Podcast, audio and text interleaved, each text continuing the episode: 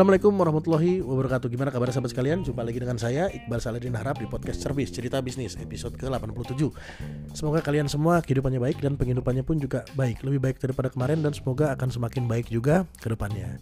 Nah kawan-kawan podcast ini disupport oleh bantu bisnismu.com dan Quantum Sinergi Umat Di mana di podcast ini kita akan membahas tentang banyak hal terutama mengenai bisnis, manajerial, dan keuangan.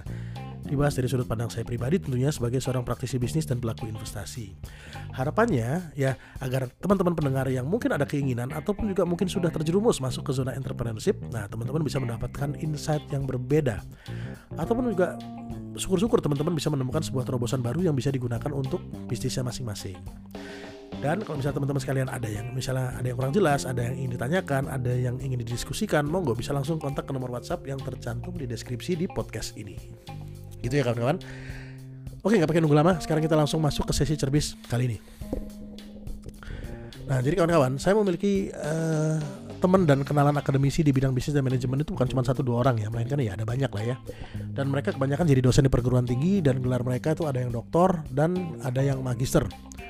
Dan saya juga cukup sering diundang ke forum diskusi para akademisi ya kadang sebagai narasumber jadi saya ngisi berdasarkan pengalaman-pengalaman saya menjalankan bisnis atau kesulitan-kesulitan saya di lapangan dan juga kadang-kadang saya juga uh, diundang sebagai pengamat Intinya, ya saya cukup sering lah ngobrol dan melakukan bedah kasus tentang apa yang terjadi di dunia bisnis, keuangan, dan manajemen di forumnya teman-teman akademisi. Nah, pernah saya tanya kepada mereka gitu ya, iseng-iseng aja nih.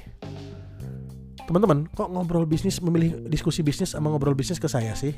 bukankah saya ini uh, apa tidak dari golongan kalian maksudnya saya ini kan praktisi bukan akademisi dan kalian tuh adalah akademisi dan kebanyakan dari kalian kan memiliki uh, ilmu ya tentang informasi dan literasi tentang bisnis dan manajemen ini tentu lebih lengkap daripada saya yang sekedar tahu dari lapangan dan jawaban mereka bermacam-macam teman-teman namun yang saya tangkap intinya itu sama bahwa ilmu bisnis dan ilmu manajemen ini adalah ilmu yang berkembang jadi ilmu bisnis 10 tahun yang lalu beda dengan ilmu bisnis saat ini.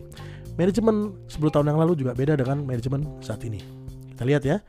10 tahun yang lalu itu internet belum seperti sekarang ini. Sekarang ini sudah ada banyak kemudahan di internet. Ada marketplace, ada media sosial, dan ada lain sebagainya. Yang mana hal-hal tersebut bisa membantu membuat bisnis kita jadi lebih mudah untuk bertumbuh.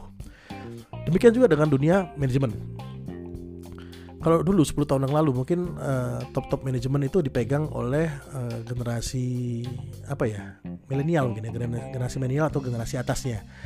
Namun sekarang yang megang uh, mulai dari staff sampai supervisi manajemen itu kebanyakan orang generasi Z. Bener ya, kayaknya ya generasi Z.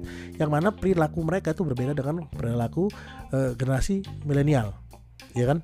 Nah, di sini tentu karena perilakunya berbeda maka penanganannya pun pasti akan berbeda kalau dulu 10 tahun yang lalu belum ada yang namanya work from home sekarang banyak uh, yang namanya work from home jadi uh, gak perlu kantor gitu loh. Dari rumah aja juga bisa kerja.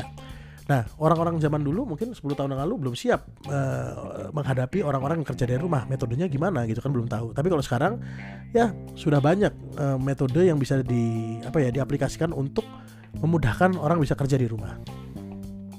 Gitu. Dan gini uh, kembali lagi ke jawaban teman-teman ya uh, tadi tentang apa namanya kenapa sih uh, lebih banyak uh, konsultasi ngobrol dengan praktisi gitu loh. Karena tadi dia bilang bahwa ilmu bisnis dan manajemen beda 10 tahun lalu sama sekarang.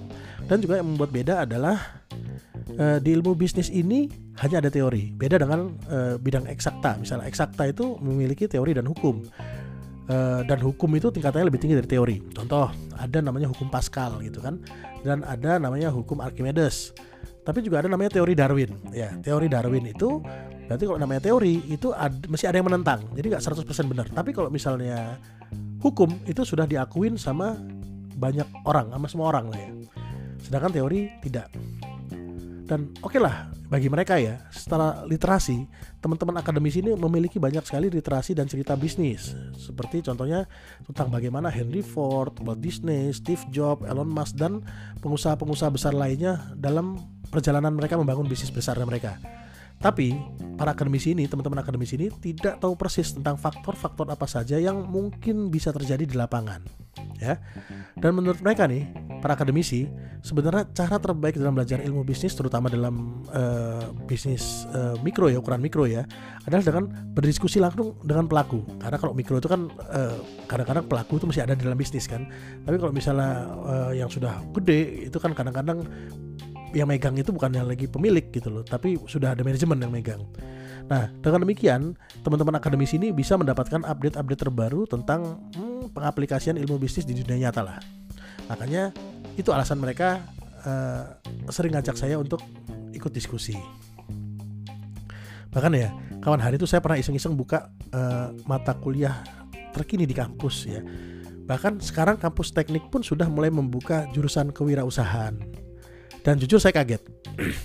kewirausahaan dibuka untuk S1 ya belajar kewirausahaan butuh waktu 4 sampai 6 tahun. Nah itu menurut saya kelamaan teman-teman. Belajar wirausaha itu ya sama entrepreneur. Sampai saya ada kepikiran gini ya. Kalau nanti anak saya minta kuliah ya misalnya minta kuliah di jurusan bidang kewirausahaan mending nggak usah kuliah sekalian gitu. Ini sampai kepikiran kayak gitu ya. Lebih baik saya ajarin sendiri gitu loh. Karena ya kalau mau wirausaha ya memang harus aplikatif harus terjun ke dunia nyata Uh, tapi kalau misalnya cuma sekedar pengen jadi akademisi dan sering melengkapi dengan praktisi, jadi konsultan gitu ya, monggo nggak apa-apa untuk belajar kewirausahaan. Artinya teman-teman, saya senang sekali uh, bisa berdiskusi dengan banyak teman-teman akademisi. Jadi kita saling melengkapi ya. Saya juga dapat belajar banyak banyak hal dari teman-teman akademisi. Ya pokoknya kita saling tukar pengalaman lah ya.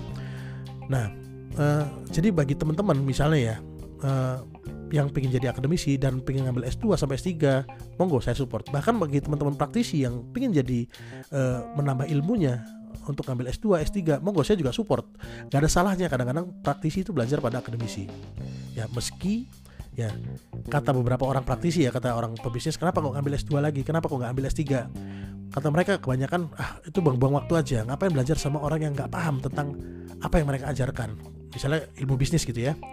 Uh, apa yang belajar sama orang yang nggak ngerti ilmu bisnis? Kalau mereka paham tentang ilmu bisnis harusnya mereka jadi pengusaha jadi manajer bukan jadi dosen gitu loh. Itu kata sebagian orang.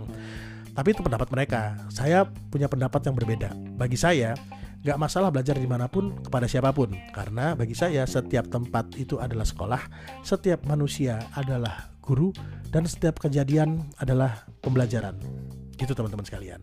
Oke mungkin uh, gitu dulu teman-teman sekalian tentang cerbis singkat episode kali ini. Kalau misalnya teman-teman ada yang mungkin ingin ditanyakan ada yang ingin diskusi kontak saja nomor WhatsApp yang tercantum di deskripsi di podcast ini.